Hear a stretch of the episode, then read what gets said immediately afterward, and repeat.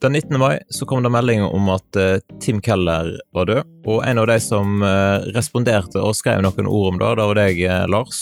Du er en av de i Skandinavia som har skrevet forskningsartikkel om Tim Keller.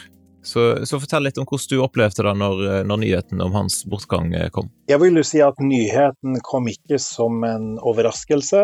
Vi hadde skjønt at han var alvorlig syk. Krefttypen han hadde var svært alvorlig, og på mange måter så hadde han levd lenger enn det som var prognosene. Eh, så fra det perspektivet så var det ikke uventa, men allikevel gjør det inntrykk. Fordi han, Tim Keller var en person som hadde et usedvanlig stort og dypt nedslagsfelt. Han påvirket svært mange. Jeg skrev altså en forskningsartikkel, og jeg er kanskje den eneste i Norden som har gjort det, så vidt jeg vet. Eh, det var et privilegium å få lov til å, å, å, å dukke dypere i hans tenkning som egentlig misjonær i det sekulære, i møte med det sekulære Vesten. Og, og han viste seg da, når, en, en, når jeg fikk lov til å, dykke, dykke, dypere, sant, så oppdaget jeg hvor egentlig betydningsfull han var.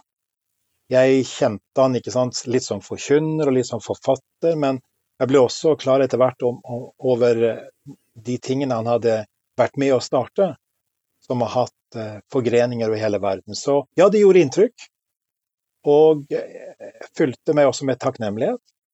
Og så kom spørsmålet om å skrive noen ord som ble publisert flere steder, et minneord, og jeg prøvde å fange opp liksom det helhetsbildet av hva han har betydd for så veldig mange.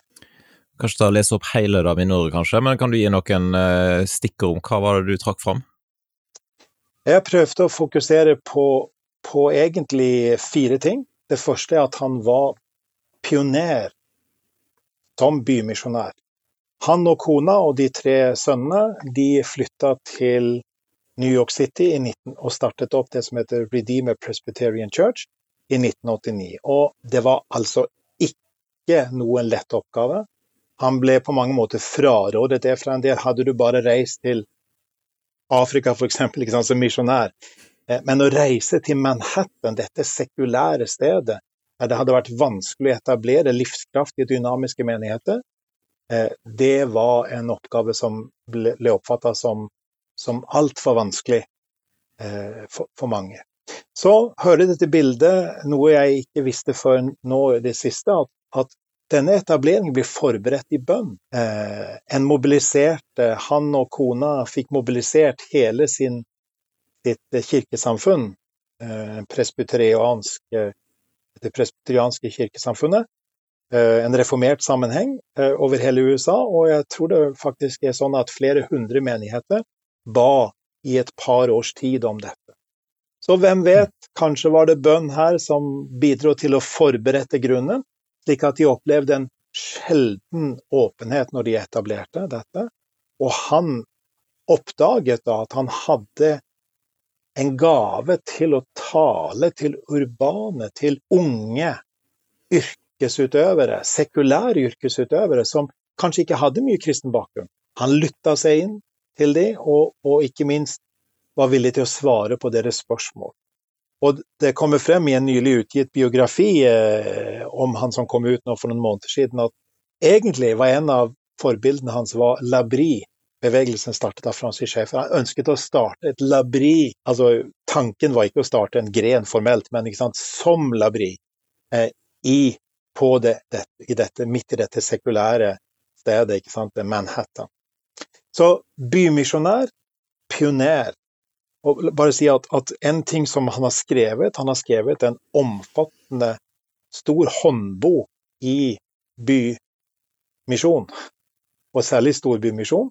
Den heter Center Church, og det er symbolsk. Det betyr geografisk og kulturelt i sentrum av byen. Og det betyr vi må holde oss sentralt i byen. Eh, vi må holde oss med det sentrale budskapet sant, om kristen tro sentralt i byen. Han sier det for å nå inn i en storby som Manhattan, så viser det seg det at vi må ha hele fylden av for å bruke bibelske begreper, av Guds råd. ikke sant? Hele fylden av kristen tro må, må så å si mobiliseres. Han bruker tre bilder. Han sier at eh, vi må både ha evangelium inside out, altså forandringen skjer ved at mennesker får sine synder tilgitt, oppdager hva nåden er og hva nåden betyr på det indre plan, og det får ytre konsekvenser. Samtidig sier han at, at evangeliet også må, må, må, få virke som upside down, som å snu perspektivene, være motkulturell. Eh, og samtidig må vi også ha en håpsdimensjon, sier han. Eh, da kaller han det forward back. Fremover håpet, og så allerede nå en forsmak. Slett ikke fullkomment, men allikevel en forsmak. Så med karakteristisk eh, elegans, ikke eh, måten å uttrykke seg på, så snakker han om evangeliet som både inside out, upside down og forward back. Det er en flott oppsummering. Så bymisjonær, det var det første han var. Men jeg skrev jo om flere ting. At han da ble forkynner. Sant? Først var det jo forkynner lokalt i menigheten. Spredte seg eh, ord om dette. Sant? Folk begynte å besøke, og, og så, oppdag, så ble jo da nettet etablert ikke sant, med podkastmuligheter etter hvert og sånn. og Jeg tror det er riktig å si at hundretusenvis av mennesker har ukentlig lytta til hans forkynnelse og blitt preget av den. Jeg har selv snakket med så mange personer som forkynnelsen til Tim Keller betød noe for dem. Og så ble han forfatteren, bestselgerforfatteren. Eh, og, han ventet med å publisere eh, i lang tid. Så jeg tror det gikk eh, til 2009 eller noe sånt, 8, 2008 tror jeg det var, så ga han ut sin første eh, liksom ordentlig kjente bok. Da. Han hadde gitt ut noe før, men, men, det var liksom på et helt annet nivå dette her i forhold til å nå ut. Han hadde fått en annen plattform. 'Reason for God' heter vel den. Sant? Eh, på norsk bare Gud. Den slo igjennom, endog på, på New York Times sin bestselgerliste. Da ble dette Han oppdaga, tror jeg, sin gave som formidler, gjennom det skriftlige også. Eh, og både som muntlig og skriftlig formidler hadde han særlig gave til å, til å lage en, et sammendrag, en syntese av det mange hadde sagt noe om. Samlet verdifulle perspektiver, og så ga han det en egen personlig form, med e, en egen personlig innpakning og, og, og formidling. Så, så, hans sitt forfatterskap ble etter hvert betydelig med, med, så å si i hvert fall én ny bok hvert år, faktisk. I hele perioden etterpå. Og selv må jeg si at, at jeg har hatt særlig utbytte av å lese hans prekenlære. Eh, og samme år som den kom ut, kom boka om bønn ut. Eh, og, og, på det personlige planet mitt så tror jeg den boka er kanskje den som har preget meg mest. Jeg tror det er riktig å si at den førte til en, en, en liten stille fornyelse for min del i, i, i forhold til bønn. Eh, og, han siterer Luther så det bare står etter. Som Luthers teolog så er det jo kjekt, da. Eh, og, og han, han, han, relaterer til Ole Hallesbys fra Bønnens verden. Det er på en måte, Han fanger inn det som er av viktige klassikere, og, og lar de informere og styre samtidig som det er selvstendig. Ok, Så han var bymisjonær, han var forkynner, han var eh, forfatter etter hvert.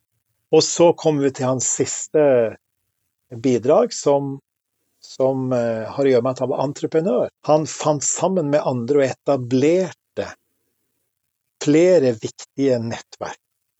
Det ene nettverket var såkalte The Gospel Coalition, som han etablerte sammen med to andre reformerte ledere. Eh, John Piper, også veldig kjent internasjonalt som, som forkynner.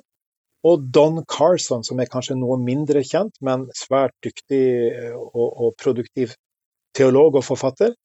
Um, og, og, de tre er liksom opphavet til The Gospel Coalition, som ble et nettverk for å, for å samordne og og eh, samle i denne sammenhengen primært folk med reformert konfesjonell bakgrunn, altså kirkemessig bakgrunn, eh, med å utvikle ressurser osv. Så, så Så tror jeg det er riktig å si at de eh, har også betydd mye utover sin egen sammenheng, men det er det røttene er det en, en evangelikal, reformert tradisjon.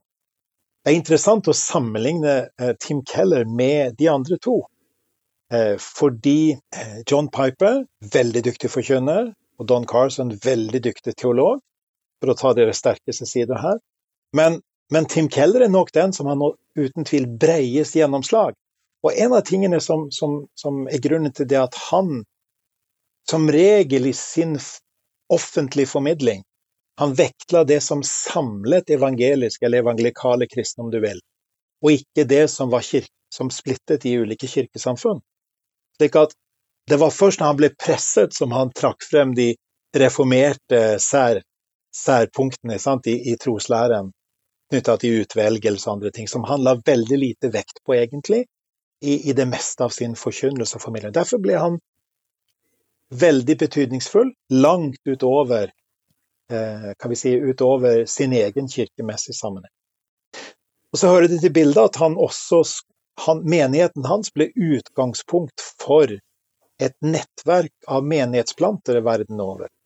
Og, og, der trenger vi å si to ting. Det ene er City, Redeemer City to City, som er en, en, en nettverksbevegelse som planter menigheter verden over, særlig i storbyene. Og vi snakker da om hundrevis av menigheter som er etablert med utgangspunkt i dette, som begynte i New York. Men sammen med det har vi også det som kalles Movement Day. Det nevnte jeg ikke i Kan ikke nevne alt i, i et kort minneord, eh, men, men eh, Movement Day, det var tre personer som kom sammen. Det var Tim Keller sammen med Mac Peer, som er da eh, New York en kristen leder, byleder kan vi si, city leader som de kaller på engelsk. Og så var det en investor som heter Bob Doll, som nå er styreleder i Lausanne-bevegelsen internasjonal. De tre fant sammen og fikk med seg sine folk, og ut fra det skapte en et ønske om å stå sammen på Manhattan, men også med ringvirkning i verden over. Og i norsk sammenheng så har vi i Oslo f.eks. Beveg byen, som har sin direkte opprinnelse i dette. Så vi ser at ringvirkningene av Tim Kellers virksomhet, arbeid, tjeneste er helt enormt store. Og noen har sagt at han er nok den mest samlende evangelikale leder og mest innflytelsesrik av evangelikale leder etter John Stott eh, internasjonalt. Og jeg tror at det ligger mye i den karakteristikken. Snakket med en i går. Han eh, etterlyser flere bøker av Tim Keller på norsk. Vet du om det er noe på gang der? Jeg vet faktisk ikke, men nå er vel det rette tidspunkt å, å, å, å tenke i de baner. Eh, faktisk bare én norsk, en bok på norsk, denne boka vi refererte til, 'The Reason for God'. Og Det er litt rart. Eh, det har nok vært mye større kontakt i f.eks. i Danmark, tror jeg de har utgitt nesten om det er ti bøker, tror jeg, av Tim Keller. Så jeg vet ikke alle grunner til dette, men, men eh, jeg tror absolutt det skulle være mulighet til å tenke at nå er tida til å velge ut noen titler og få de ut på norsk. Så det må være et, et, eh, en fin utfordring til våre venner, kanskje i Lunde forlag, dette. Absolutt. Eh, Iallfall når en registrerer hvordan folk har respondert på Facebook. Da. Jeg har sett så mange folk som har lagt ut eh, tanker og refleksjoner etter etter nyheten kom, eh, så vil jeg jo tro at det her er, det er et marked for de bøkene, for å si det sånn. Absolutt, og, og, og, du kan si han skriver altså Tim Keller han skrev godt, språklig, stilistisk sett. Han skrev sentralt. Det, det, det, var evangeliet sto alltid i fokus i sentrum, og han skrev som regel med et blikk for det som vi har sagt, som samler evangeliske evangelikale kristne. Det var ikke tilfeldig at han var en av hovedtallene på, på den tredje Lausanne-kongressen i, i, 2010. Jeg så at eh, Michael da, som er leder for Lausanne internasjonalt nå, som sa at vi takker Gud for Tim Keller, men vi beklager også at han ikke nå kunne være en del av den fjerde Lausanne-kongressen neste år. Eh, så, så, ikke sant? Vi ser at her møter vi et menneske, en person som har hatt en enormt gjennomslag. Egentlig litt stillferdig i sin stil. Eh, det er litt sånn samtalepreget formidling. Eh, og, og jeg hørte noen som refererte til at de hadde, en av de første gangene de hadde hørt han, så hadde var en søndagskveld på Redeemer Presbyterian Church i Manhattan, sant, som nå er flere menigheter. Og, og bevisst ikke som en megamenighet, megakirke, men, men, men med selvstendig et nettverk av selvstendige menigheter virker det en veldig sunn måte å tenke på. Men de hørte han første gangen, da, og, og da hadde han talt på morgenen sikkert et par, par, ganger, kanskje, og så var det preken på kvelden. Sant?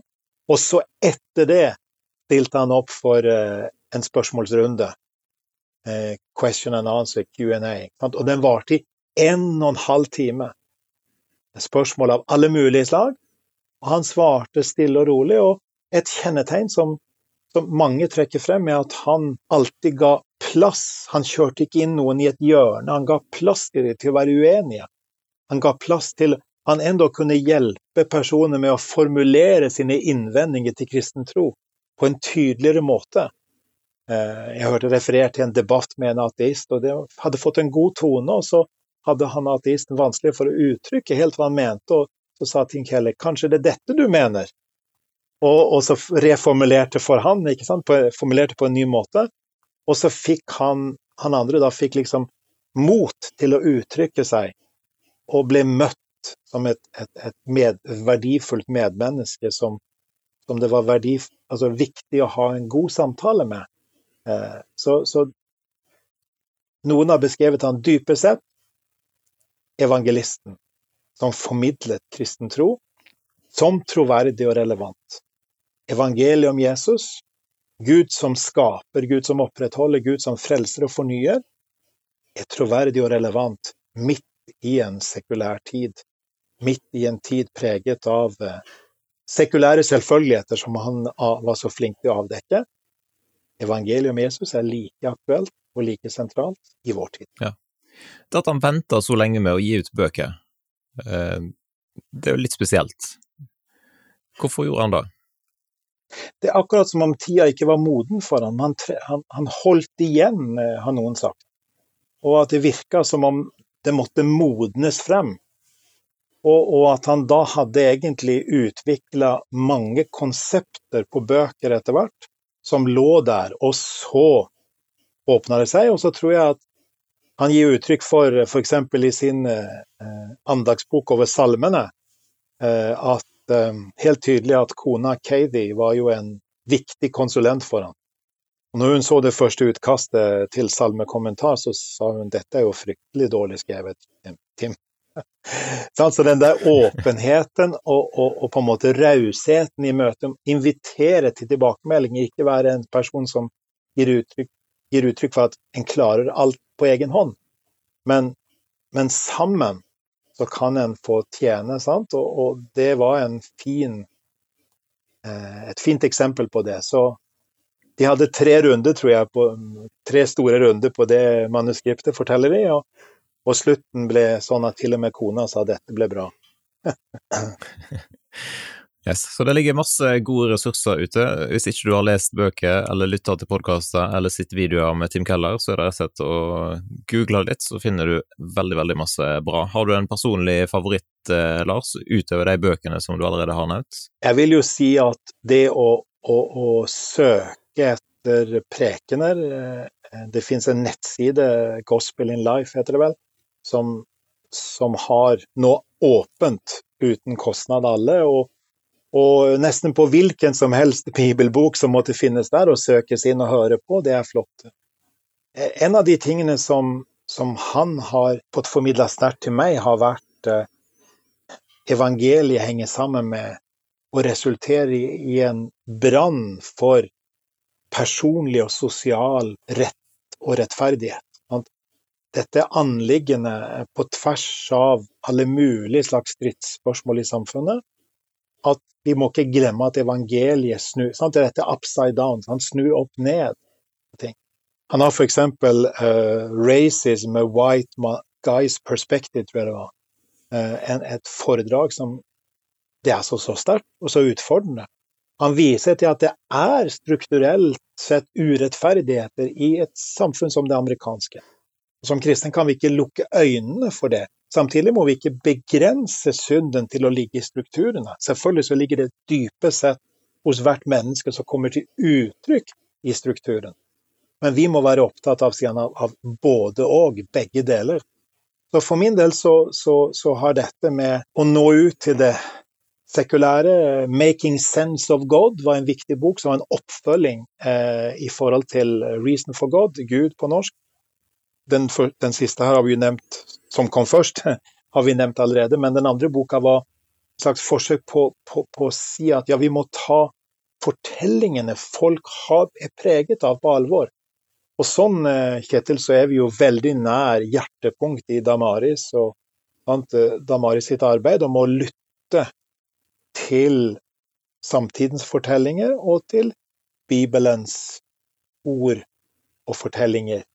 Og la samtidens fortellinger lære oss om hvor hva preges vi av i dag så lett, og hva preges de rundt oss? Og når vi formidler kristen tro og snakker om altså på det personlige plan eller på det offentlige plan, så vi formidler ikke inn i et vakuum, vi formidler inn i en sammenheng der folk er preget av gitte ting, sant? noen spesielle ting til enhver tid.